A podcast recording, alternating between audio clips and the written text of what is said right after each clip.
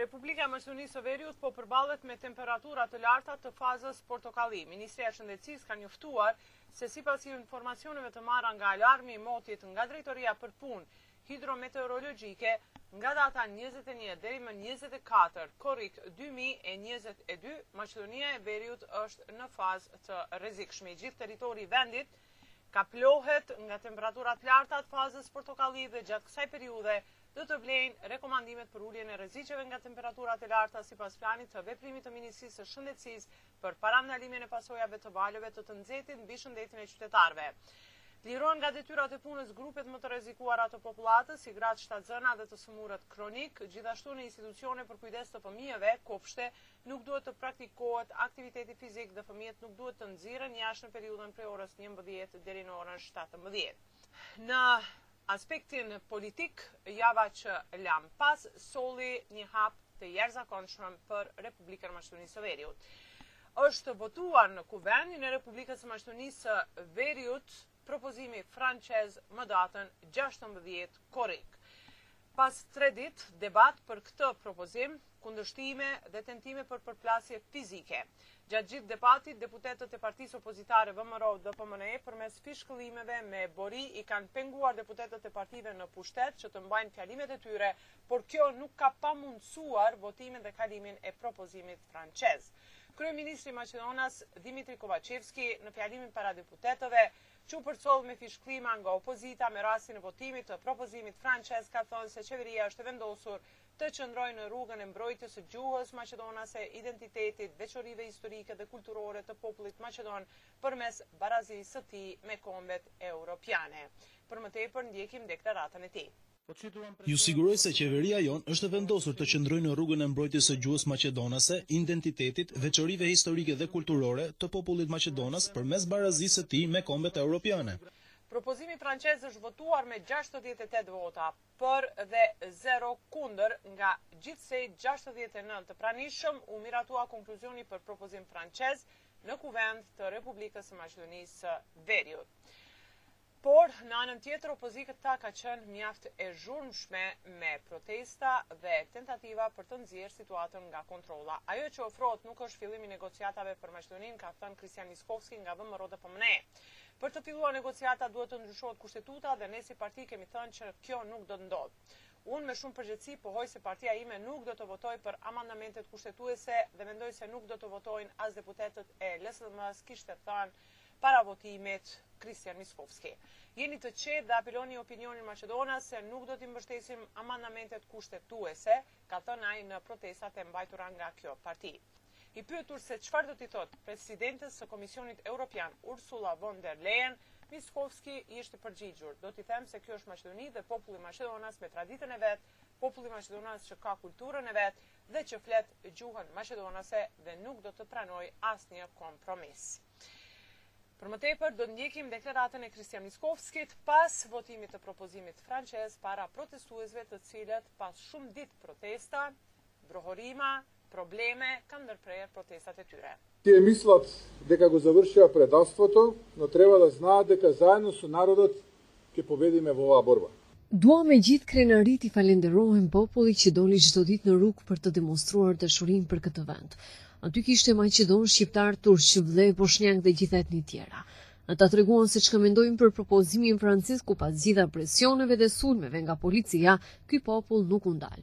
Faleminderit populli im. Maqedoninë do ia kthejmë qytetarëve, do ju tregojmë mënyrën se si do ta bëjmë atë. Kjo tradhti nuk do të kalojë aq lehtë për disa vite do duhet të shohim popullin në sy se si tradhtuan, goditën Maqedoninë.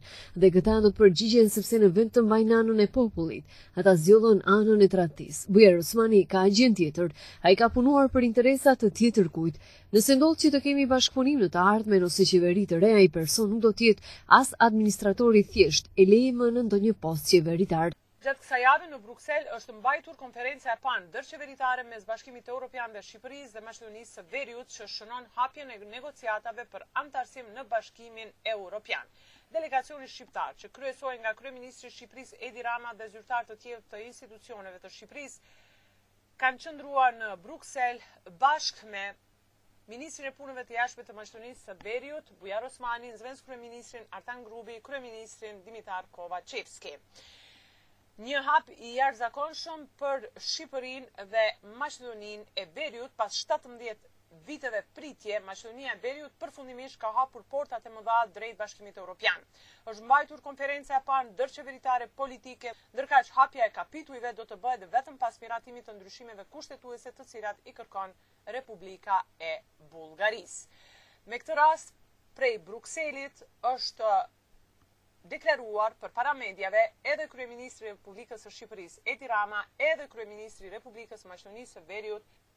Dimitar Kovaçevski. Për më tepër ndjekim deklaratat e tyre.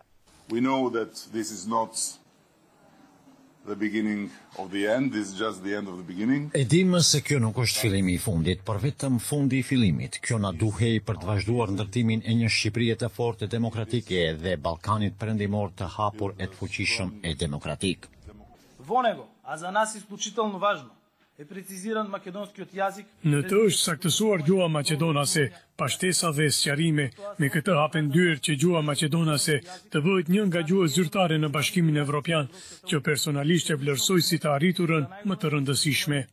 Në anën tjetër, një lajm tronditës që ka përfshirë këtë javë në Republikën e Maqedonisë së Veriut vjen nga Spitali Zhan Mitrev dhe Ministria e Shëndetësisë. Prokuroria Publike e Maqedonisë së Veriut ka njoftuar të hënën për nisjen e hetimeve në spitalin privat të kardiokirurgjisë në Shkup, Zhan Mitrev lidhur me dyshimet për trajtim joadekuat të pacientëve të sëmurë me Covid nëntëmbëdhjetë të cilët kanë vdekur. Njoftimi i prokurorisë erdhi pas transmetimit të një emisioni të rrjetit Laboratori për Gazetari Hulumtuese IRL i titulluar Gjaku i papastër. Skandali sipas raportit të këtij rrjeti hulumtues ka të bëjë me trajtimin e të sëmurëve me Covid nëntëmbëdhjetë të cilët i janë nënshtruar filtrimit të gjakut si terapi kundër kësaj sëmundje. Çështja i është caktuar prokurorit publik kompetent i cili do të ndërmarrë veprime për verifikimin e pretendimeve për vepër penale kundër shëndetit të njerëzve, thuhet në njoftimin e Prokurorisë Publike të Maqedonisë së Veriut. Ndërkaq Ministria e Shëndetësisë ka urdhëruar kontrolle të jashtëzakonshme në këtë spital derisa pret përfundimin e hetimeve për masa të mëtejme. Qeveria i ka dhënë dy ditë afat Ministrisë së Shëndetësisë që të përgatitë raport për të zbardhur sa më shpejt rastin. Kam mirëpritur veprimin e prokurorisë. Ministria e Shëndetësisë do të jetë e gatshme për bashkëpunim. Çdo gjë do të jetë transparente. Presim të vijnë raportet nga institucionet relevante për të parë nëse ka patur parregullsi gjatë trajtimit të pacientëve, ka deklaruar ministri i Shëndetësisë Bekim Sali. Sipas hulumtimit të kryer nga IRL, trajtimi i tillë nga klinika ka qenë i jashtëligjshëm, por edhe ka infektuar shumicën e pacientëve me bakterie vdekjeprurëse. Sashka Cvetarovska, një nga gazetarët që kanë hulumtuar rastin, tha për mediat se dyshimet bazohen në njëzet e katër tragjedi familjare të cilat janë të gatshme ta denoncojnë vetë spitalin Zhan Mitrev.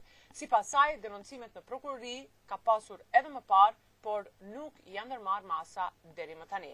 Për radion SBS raporton nga Republika e Maqedonisë së Veriut, Besiana Mehmedi.